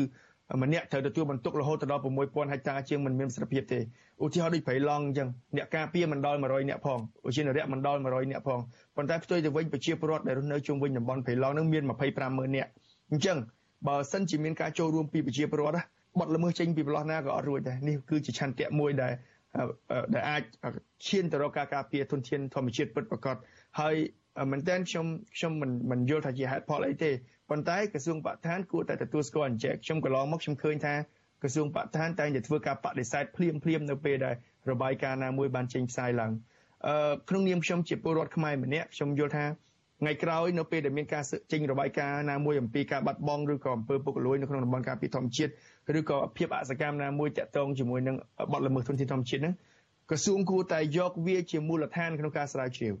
យកមកស្រាវជ្រាវឲ្យប្រៀបធៀបថាតើអ្វីដែលគេលើកឡើងហ្នឹងពិតប្រាកដអត់នេះគឺជារឿងមួយមិនល្អទេសម្រាប់ខ្ញុំណាប្រហែលថ្ងៃមុននេះខ្ញុំដឹកនាំក្រុមយុវជនមួយក្រុមចុះទៅជាយតំបន់ព្រៃឡង់នៅក្នុងខេត្តស្ទឹងត្រែងប្រជាពលរដ្ឋបានប្រាប់ខ្ញុំតែម្ដងគឺដើម្បីចូលទៅកាប់ឈើបាននៅក្នុងតំបន់ជាយព្រៃឡង់ឬក៏តំបន់ព្រៃឡង់ត្រូវធ្វើការបង់ប្រាក់ទៅដល់ឧស្សាហនរៈនៅក្នុងតំបន់នោះ ប្រមាណជា20ម៉ឺនរៀលទើបអាចចូលទៅកាប់ឈើបាននេះជាដើមអញ្ចឹងអានឹងវាជាផ្នែកមួយទៅអ្នកតំណងជាមួយនឹងអង្គើពុករលួយហើយខ្ញុំផ្ទាល់ជិះកាត់ទីស្នាក់ការរងតំបន់អូត្អុងនៅក្នុងស្រុកសៀមឃុំសៀមបូកស្រុកសៀមបូកហើយខ្ញុំផ្ទាល់មកជាអ្នកឃើញដឹកឈើទាំងម៉ូតូទាំងម៉ូតូខ្ញុំធ្វើដំណើរចម្ងាយដី30គីឡូខ្ញុំធ្វើដំណើរប្រហែលជា1ម៉ោងខ្ញុំឃើញគោយន្តចំនួន1គ្រឿងដឹកឈើ ហើយខ្ញុំឃើញម៉ូតូ6គ្រឿងដឹកដឹកដឹកឈើអញ្ចឹងអានេះជាការឆ្លុះបញ្ចាំងមួយទីស្នាក់ការឧស្សាហនរៈនៅកន្លែងហ្នឹងផងនៅតែមានការដឹកឈើចេញចុះអញ្ចឹងអាហ្នឹងអានឹងជាជាអយាប័តមួយដែលក្រសួងបរិស្ថានថាបើសិនជាថ្នាក់ក្រោមជាតិមិនបានរាយការណ៍អំពីករណីទាំងអស់នេះប៉ុន្តែនៅពេលដែលមានការផ្សាយរបាយការណ៍ដោយភាគីទី3ភាគីអព្យាក្រឹតឬក៏អង្គការអន្តរជាតិគួរតែយករបាយការណ៍ឬក៏ទិន្នន័យទាំងអស់នោះទៅប្រៀបធៀបជាមុនមុននឹងធ្វើការឆ្លើយតបដើម្បីធានាថាប្រសិទ្ធភាពមាន តើកំហុងដែលនឹងណាត់ជួបជាមួយក្រសួងបរិស្ថាននៅថ្ងៃទី6ខែមេសាខាងមុខនេះនឹងយកអ្វីទៅជាអំណះអំណាងជាយ៉ាងម៉េចអីយ៉ាងម៉េចដើម្បីឆ្លើយតបទៅនឹងការលើកឡើងរបស់ក្រសួងនេះដើម្បីឲ្យយល់ស្របគ្នានោះចា៎ក្នុងនាមសមាគមបណ្ដាញយុវជនកម្ពុជាយើងជាជនរងគ្រោះមួយរូបដែរដោយសារតែកន្លងមកយើងធ្លាប់ស្នើសុំក្នុងការសហការល្បាតជាមួយបណ្ដាញជនជាតិដើមភាគតិចនៅព្រៃប្រការប៉ុន្តែផ្ទុយទៅវិញក្រសួងបដិសេធ មាត្រា9នៃច្បាប់ស្តីពីសមាគមនិងអង្គការមិនមែនរដ្ឋាភិបាលបានបញ្ជាក់ច្បាស់ថាបន្ទាប់ពីពួកយើងបានចុះបញ្ជីនៅក្រសួងមហាផ្ទៃហើយយើងនឹងទទួលបាននីតិសម្បទាដើម្បីប្រតិបត្តិការនៅទូទាំងប្រទេសកម្ពុជាដែលស្របច្បាប់រឿងមួយទៀតតកតងជាមួយតំបន់ស្នូលខ្ញុំសូមបញ្ជាក់ថាមកដល់នេះបច្ចុប្បន្ននេះបើក្រសួងលើកឡើងពីតំបន់ស្នូលក៏ពុកខ្ញុំសួរដែរថាតើដំណើរការធ្វើ zoning បើតាមខ្ញុំទទួលបានព័ត៌មានមកដល់បច្ចុប្បន្នកម្ពុជាអត់ទាន់ធ្វើការបែងចែក តំបន់ឬក៏ការធ្វើ zoning នឹងទេអញ្ចឹងបើសិនជាអត់ទាន់ធ្វើ zoning ផងហេតុអីមិនជាក្រសួងថាតំបន់នេះតំបន់ snow តំបន់នេះមិនមែនជាតំបន់ snow បើសិនជាមានការបែងចែកច្បាស់លាស់ហើយយើងគោរពច្បាប់តំបន់ snow ហេតុអីបានជាអ្នកដឹកឈើចូលបានហេតុអីបានជាពួកខ្ញុំជាអ្នកមានឆន្ទៈការពារបៃឈើចូលបានអញ្ចឹងអានឹងប្រហែលជារឿងមួយដែរអឺកន្លងមកយើងយើងមានរូបថតយើងមានទិន្នន័យច្រើន អំពីការដឹកជញ្ជូនឈើឬក៏ការលួចកាប់ឈើនៅក្នុងតំបន់ការពារធម្មជាតិនឹងបាទដែលគាត់ជាសហគមន៍ដាច់ស្រយាលអត់សូវបានទទួលការអប់រំគាត់ទៅប្តឹងកន្លែងណាអញ្ចឹងមានតែបង្ហាញអំពីសេរីភាពបញ្ចេញមតិបង្ហាញអំពីព័ត៌មាននឹងជាចំហនៅក្នុងមាត្រា21គេនិយាយពីការផ្សព្វផ្សាយនិងការទទួលបានព័ត៌មានអញ្ចឹងប៉ុន្តែក្រសួងក្នុងនាមជាអ្នកមានសមត្ថកិច្ចត្រូវទៅដោះស្រាយចាំមកដល់ថ្ងៃនេះនឹងតើមានពាក្យពេចន៍អ្វីទៅដល់ប្រជាពលរដ្ឋដែលលោកស្រឡាញ់ចង់ចូលរួមការពារធនធានធម្មជាតិនឹងចា៎ ខ្ញុំស្នើសុំឲ្យប្រជាពលរដ្ឋកម្ពុជាទាំងអស់មេត្តាបញ្ឈប់ការកាប់បំផ្លាញនិងការទន្ទ្រានព្រៃឈើការបំផ្លាញព្រៃឈើមួយដើមគឺស្មើសម្រាប់ជីវិតមនុស្សរាប់រយនាក់ជីវិតសត្វរាប់រយពីព្រោះអីដើមឈើមួយដើមអាចផលិតអុកស៊ីហ្សែន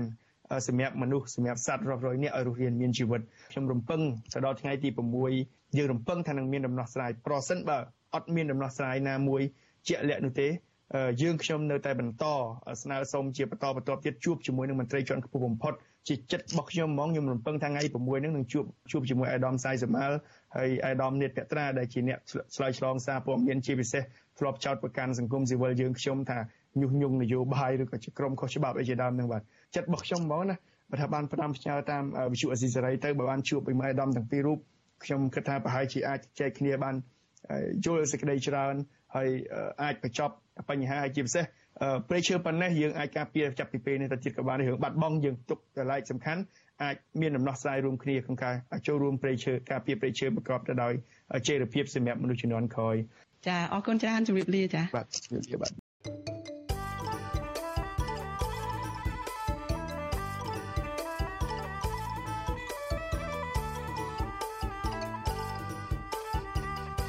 ចាលោកនាងជាទីមេត្រីពជាកសិករត្អូញត្អែអំពីការដាំដុះចំណាយអស់ដើមទុនច្រើនហើយផលដំណាំចុះថោកខ្លាំងដែលធ្វើឲ្យពួកគាត់លក់មិនបានកម្រៃដើម្បីដោះស្រាយជីវភាព និងសងបំណុលធនាគារពួកគាត់លើកឡើងថាទំហំនៃការនាំចេញទិន្នផលកសិកម្មទៅក្រៅប្រទេសពីសំណាក់រដ្ឋាភិបាលកើនឡើងយ៉ាងណាក្តីក៏ប៉ុន្តែពួកគាត់នៅតែរងទុក្ខលំបាកដដែល។ អ្នកជំនាញផ្នែកកសិកម្មយល់ថារដ្ឋាភិបាលត្រូវរៀបចំគោលនយោបាយនិងបច្ចេកទេសកសិកម្មឲ្យបានច្បាស់លាស់ដើម្បីឲ្យថ្លៃដើមនិងថ្លៃដឹកជញ្ជូនកសិកម្មធ្លាក់ចុះមកវិញព្រមទាំងបង្កើនសមត្ថភាពផលិតក្នុងស្រុកចាប់ពីរដ្ឋធានី Washington លោកសនច័ន្ទរដ្ឋារាយការណ៍ពឹស្ដាជុំវិញបញ្ហានេះក្រមកសិករត្អូញត្អែថាបើទោះបីជាការនាំចេញផលដំណាំកសិកម្មការជឿនឆ្នាំចាស់យ៉ាងណាក្តី ក៏ប្រកបមិនទទួលបានផលចំណេញដែរដោយសារអាញាធរខ្វះការយកចិត្តទុកដាក់ដោះស្រាយអំពីតម្លៃកសិផលចោតថោងហើយតម្លៃទំនិញលើទីផ្សារឡើងថ្លៃខ្ពស់ដែលធ្វើប្រកបមានជីវភាពកាន់តែលំបាកវេទនាដំណាងកសិករសហគមន៍សាមគ្គីរមាសហែកខេត្តស្វាយរៀងលោកស្រីខៀវសរនបានប្រាប់វិទ្យុអេស៊ីសេរីថ្ងៃទី22ខែមីនាថាបច្ចុប្បន្នជីវភាពរបស់កសិករនៅតែជួបការលំបាកដោយសារតែរដ្ឋាភិបាលពុំបានដោះស្រាយសំណើរបស់ប្រកបកន្លងទៅលោកស្រីមើលឃើញថាការនាំចេញកសិផលរបស់ក្រសួងការឡើងក៏ពិតមែន ក៏ប៉ុន្តែតម្លៃផលដំណាំរបស់ពលរដ្ឋលក់បានថោកស្របពេលដែលតម្លៃប្រេងសាំងជីនិងថ្នាំកសិកម្មនាំចូលពីក្រៅប្រទេសឡើងថ្លៃឥតឈប់ឈរលោកស្រីបន្តថាបញ្ហាទៅនេះបានធ្វើឲ្យកសិករមួយចំនួនបង្ខំចិត្តបោះបង់ស្រែចម្ការហើយចំណាក់ស្រុករកការងារធ្វើដើម្បីរកប្រាក់មកដោះបំណុល។ អត់ដែលយើងទិញដូចជាជីដូចជាត្រាំគីមីអីយើងយកមកប្រើណាថ្លៃខ្លាំងមែនទែនគ្រូហើយបើនិយាយពីកសិផលដែលយើងផលិតបានហើយវាអត់បានថ្លៃទេវាអាស្រ័យទៅលើឈ្មួញគេនៅឲ្យហ្នឹងខ្ញុំជឿថាអ្វីដែលរាជរដ្ឋាភិបាលប្រកាសថាកើនកើនតែចំណេញរបស់កសិករប៉ុន្តែតម្លៃហ្នឹងអត់កើនទេហើយបើនិយាយពីផលវិបាករបស់កសិករវិញមិនមិនដែលពួកគេឡើងវាន់កហើយកសិករនៅស្រុកវ៉ារិនខេត្តសៀមរាបលោកឈិនយុន បានប្រាប់ថាគ្រួសាររបស់លោកដាំដំឡូងមីទំហំជាង7ហិកតាដោយចំណាយដើមទុនអស់ជិត5000ដុល្លារដែលបានខ្ចីលុយពីអ្នកភូមិដើម្បីយកមកដាំដុះលោកត្អូញត្អែថាទិន្នផលដំឡូងមីដែលប្រមូលផលឆ្នាំនេះប្រឈមទៅនឹងការខាត់បងដោយសារឈ្មួញកណ្ដាលទិញដំឡូងមីស្រស់តម្លៃតែ200ទៅ250រៀលក្នុង1គីឡូក្រាមលោកបញ្ជាក់ថាតម្លៃនេះលោកមិនបានប្រាក់កម្រៃដើម្បីដោះស្រាយជីវភាពគ្រួសារទេដោយសារលោកចំណាយដើមទុនអស់ជាច្រើន។ គឺថារបស់យើងចេញទៅក្រៅប្រទេសចេះបានតម្លៃថោកយើងយកលក់គេថោកដល់ពេលរបស់គេចូលវិញថ្លៃរបស់យើងទិញថ្លៃគ្រប់យ៉ាងប្រើប្រាស់ដូចជាឆ្នាំឬមួយជីអ្វីអ្វីគឺថាថ្លៃទាំងពួកខ្ញុំធ្វើចុះត្រូវការសាំងត្រូវការមកគ្រប់គ្រប់ទាំងយ៉ាងនៅតែទាំងអស់សុទ្ធតែរបស់ថ្លៃទៅទេប៉ុន្តែយើងធ្វើមិនម៉េចយើងវាអត់ប្រមុខវាទៅយើងចេះតែតស៊ូដាំដាំនៅបងហ្នឹងបើយើងគិតទៅវាមិនអាចថាសរុបដល់ផលមិនបានចំណេញប្រមាណទេបើអាចតែមករហូបមករហូបការលើកឡើងរបស់កសិករនេះ បន្ទាប់ពីអគ្គនាយកដ្ឋាននៃក្រសួងកសិកម្មលោកងិនឆាយបានថ្លែងក្នុងសន្និសីទសារព័ត៌មានស្ដីពីលក្ខខណ្ឌឆ្លើយតបនឹងការនាំចេញកសិផលអំពីកិច្ចព្រមព្រៀងពាណិជ្ជកម្មសេរីកម្ពុជាកូរ៉េនិងចិនកាលពីថ្ងៃទី18ខែមីនាដោយបញ្ជាក់ថានៅដើមឆ្នាំ2022នេះកម្ពុជាបាននាំចេញកសិផលកសិកម្មដូចជាស្រូវអង្ករដំឡូងមីស្វាយចន្ទីនិងស្វាយស្រស់ជាដើមសរុបប្រមាណ7ប៊ីលានតោនគឺការជាង51ម៉ឺនតោនបើប្រៀបធៀបរយៈពេលដូចគ្នាក្នុងឆ្នាំ2021 លោកបញ្ជាក់ថាមូលហេតុដែលតម្លៃជីនិងថ្នាំកសិកម្មឡើងថ្លៃបើប្រៀបធៀបនឹងប្រទេសជិតខាងដោយសារកម្ពុជាពឹងផ្អែកទាំងស្រុងលើការនាំចូលនិងសេវាកម្មដឹកជញ្ជូនថ្លៃអំឡុងការរាលដាល COVID-19 ការនាំចេញកសិផលរបស់ប្រទេសកម្ពុជាគឺឃើញថាមានការកើនឡើងពីមួយឆ្នាំទៅមួយឆ្នាំ បាទនេះយើងបង្ហាញអំពីការជោគជ័យរបស់ប្រទេសកម្ពុជានោះគួរជាទីមោទនៈជាពិសេសនៅក្នុងបរិបទនៃការឆ្លងរាលដាលជំងឺ Covid ក៏ដោយក៏ការនាំចេញកសិផលនឹងអត់ថយចុះទេគឺមានតែការកើនឡើងហើយផលិតកម្មនៅក្នុងប្រទេសក៏មានការកើនឡើងដដែលប៉ុន្តែលោកងិនឆៃថាការអនុវត្តវិធានការអនាម័យនិងភូតគាមអនាម័យដែលនៅតែមានបញ្ហាប្រឈមមួយចំនួនតាក់ទងនឹងកង្វះហេដ្ឋារចនាសម្ព័ន្ធគ្រប់គ្រងសម្រាប់មន្ទីរពិសោធន៍ការពាររុក្ខជាតិនិងភូតគាមអនាម័យស្ថានីយ៍ពិសោធន៍ស្រាវជ្រាវ ហេដ្ឋារចនាសម្ព័ន្ធកសាងទិន្នន័យវិទ្យាសាស្ត្រវិទ្យាស្ថានការពាររុក្ខជាតិនិងភូតគាមអនាម័យហេដ្ឋារចនាសម្ព័ន្ធសម្អាតវិខ្ចំនិងសម្រាប់សមាជិកចង្រៃនឹងមិនតាន់ឆ្លើយតបនឹងទំហំផលិតកម្មនិងការនាំចេញនៅឡើយទេកាលពីដើមខែមករាធនាគារជាតិរំពឹងថាការបន្តងើបឡើងវិញនៃសេដ្ឋកិច្ចពិភពលោកនឹងជួយដល់ការនាំចេញរបស់កម្ពុជាកិច្ចព្រមព្រៀងពាណិជ្ជកម្មសេរីកម្ពុជាចិននិងកម្ពុជាកូរ៉េនិងកិច្ចព្រមព្រៀងដៃគូសេដ្ឋកិច្ចគ្រប់ជ្រុងជ្រោយក្នុងតំបន់នឹងធ្វើឲ្យសេដ្ឋកិច្ចកម្ពុជា បន្តងើបឡើងវិញក្នុងអត្រាប្រមាណ5%នៅឆ្នាំ2022ចំណែកអតិផរណាត្រូវបានព្យាករណ៍ថានឹងមានអត្រា2.6%បើទោះបីជាយ៉ាងណារបាយការណ៍ដដែលក៏បារម្ភពីមេរោគ COVID-19 អូមីក្រុងធ្វើឲ្យសកម្មភាពសេដ្ឋកិច្ចត្រូវបានខ្ទប់ជាយថាហេតុការកើនឡើងបំណុលអាជីវកម្មនិងគ្រួសារភាពតានតឹងក្នុងភូមិសាស្ត្រនយោបាយនិងពាណិជ្ជកម្មនិងការប្រែប្រួលអាកាសធាតុជាដើមជុំវិញរឿងនេះអ្នកជំនាញកសិកម្មនិងជាប្រធាននៃគណៈកម្មាធិការនយោបាយនៃគណៈបកប្រជាធិបតេយ្យមូលដ្ឋានលោកយ៉ងសង្គមា មើលឃើញថាវិស័យកសិកម្មកម្ពុជា កំពុងបម្រើឲ្យប្រព័ន្ធសេដ្ឋកិច្ចប្រទេសជិតខាងទាំងការនាំចេញផលដំណាំនិងការនាំចូលចំណីសត្វថ្នាំនិងជីកសិកម្មជាដើមលោកបញ្ជាក់ថាទំហំនៃការនាំចេញទិន្នផលកសិកម្មការឡើងពេលនេះគ្រាន់តែជាតួលេខល្អមើលប៉ុណ្ណោះក៏ប៉ុន្តែជាក់ស្ដែងប្រជាកសិករមិនទទួលបានផលចំណេញទេដោយសារការចំណាយលើថ្លៃដើមខ្ពស់ហើយទិន្នផលលោកបានទាបលោកថាបញ្ហានេះរដ្ឋាភិបាលត្រូវអន្តរាគមន៍រកដំណោះស្រាយជូនកសិករដោយរៀបចំក្របខ័ណ្ឌគោលនយោបាយនិងបច្ចេកទេសកសិកម្ម ធ្វើយ៉ាងណាឲ្យថ្លៃដើមនិងថ្លៃដឹកជញ្ជូនធ្លាក់ចុះហើយបង្កើនសមត្ថភាពផលិតក្នុងស្រុកជាដើម។ បញ្ហានេះវាធ្ងន់ធ្ងរទៅធ្ងន់ធ្ងរទៅណាពីឆ្នាំទៅឆ្នាំហើយវាទាមទារត្រូវមានដំណោះស្រាយជូនដល់កសិករជូនដល់កសិកម្មរបស់យើងធ្វើម៉េចឲ្យថ្លៃដើមផលិតនឹងថ្លៃដើមថ្លៃដឹកហ្នឹងមានការថយចុះហើយធ្វើម៉េចបង្កើនសមត្ថភាពកែច្នៃក្នុងស្តុកដើម្បីយើងបានតម្លៃខ្ពស់ហើយនឹងសល់ធធាតុដើមសល់លោកផលយើងមកប្រើប្រាស់អញ្ចឹងបានយើងអាចទៅរួចបើយើងធ្វើរបៀបហ្នឹងយើងប្រើពាក្យធ្ងន់ថែមទៀតដោយថាធ្វើទេសកលគេលើដីខ្លួនឯងបើទោះបីជាយ៉ាងណាកសិករស្នើយ៉ាងទទូចដល់រដ្ឋាភិបាលនិងស្ថាប័នពាក់ព័ន្ធ រៀបចំគោលនយោបាយធានាតម្លៃកសិកម្មបញ្ចុះតម្លៃថ្នាំនិងជីកសិកម្មនិងប្រេងសាំងជាចាំបាច់ដើម្បីជួយលើកស្ទួយជីវភាពប្រកបឲ្យបានល្អប្រសើរពួកក៏បារម្ភថាបើសិនរដ្ឋាភិបាលមិនដោះស្រាយបញ្ហាទាំងនេះតាន់ពេលវេលាទេនឹងប៉ះពាល់ធ្ងន់ធ្ងរដល់ជីវភាពកសិករទូទាំងប្រទេសនិងធ្វើពួកគេបាត់បង់ដីស្រែចម្ការចំណាក់ស្រុកនិងជំពាក់បំណុលកាន់តែច្រើនបន្ថែមទៀតខ្ញុំសនចាររថាវិទ្យុអេស៊ីសេរីរាយការណ៍ពីរដ្ឋធានីវ៉ា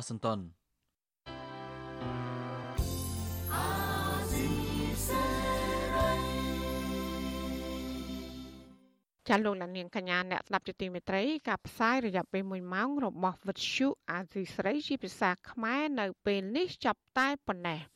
ចាយើងខ្ញុំទាំងអស់គ្នាសូមជូនពរលោកលាននិងក្រុមគ្រួសារទាំងអស់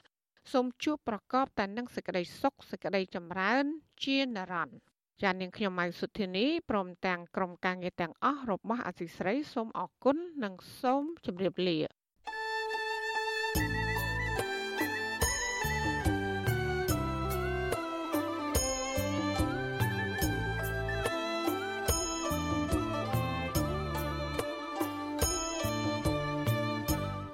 ទ្យុអាស៊ីសេរីផ្សាយតាមរលក ធាតុអាកាសខ្លីឬ short wave តាមកម្រិតនិងកម្ពស់ដូចតទៅនេះពេលព្រឹកចាប់ពីម៉ោង5កន្លះដល់ម៉ោង6កន្លះតាមរយៈរលកធាតុអាកាសខ្លី9390 kHz ស្មើនឹងកម្ពស់ 32m និង11850 kHz ស្មើនឹងកម្ពស់ 25m ពេលយប់ចាប់ពីម៉ោង7កន្លះដល់ម៉ោង8កន្លះតាមរយៈរលកធាតុអាកាសខ្លី 9390 kHz ស្មើនឹងកម្ពស់ 32m និង15155 kHz ស្មើនឹងកម្ពស់ 20m លោកអ្នកនាងក៏អាចស្ដាប់ការផ្សាយផ្ទាល់តាមប្រព័ន្ធអ៊ីនធឺណិតដោយចូលទៅកាន់គេហទំព័រ www.rfa.org/ ខ្មែរក្រៅពីនេះលោកអ្នកនាងក៏អាចអាននិងទស្សនាព័ត៌មានវិទ្យុអេស៊ីសេរីលើទូរស័ព្ទដៃរបស់លោកអ្នកផ្ទាល់ សូមលោកអ្នកនាងចូលទៅកាន់បណ្ដាញសង្គម Facebook ដែលមានអាសយដ្ឋាន www.facebook.com/rfa.cambodia និង YouTube www.youtube.com/rfa ខ្មែរ video សូមលោកអ្នកនាងចុច like និងចុច subscribe ដើម្បីទទួលបានព័ត៌មានថ្មីៗទាន់ហេតុការណ៍និងទស្សនាវីដេអូផ្សេងៗទៀតបានគ្រប់ពេលវេលា។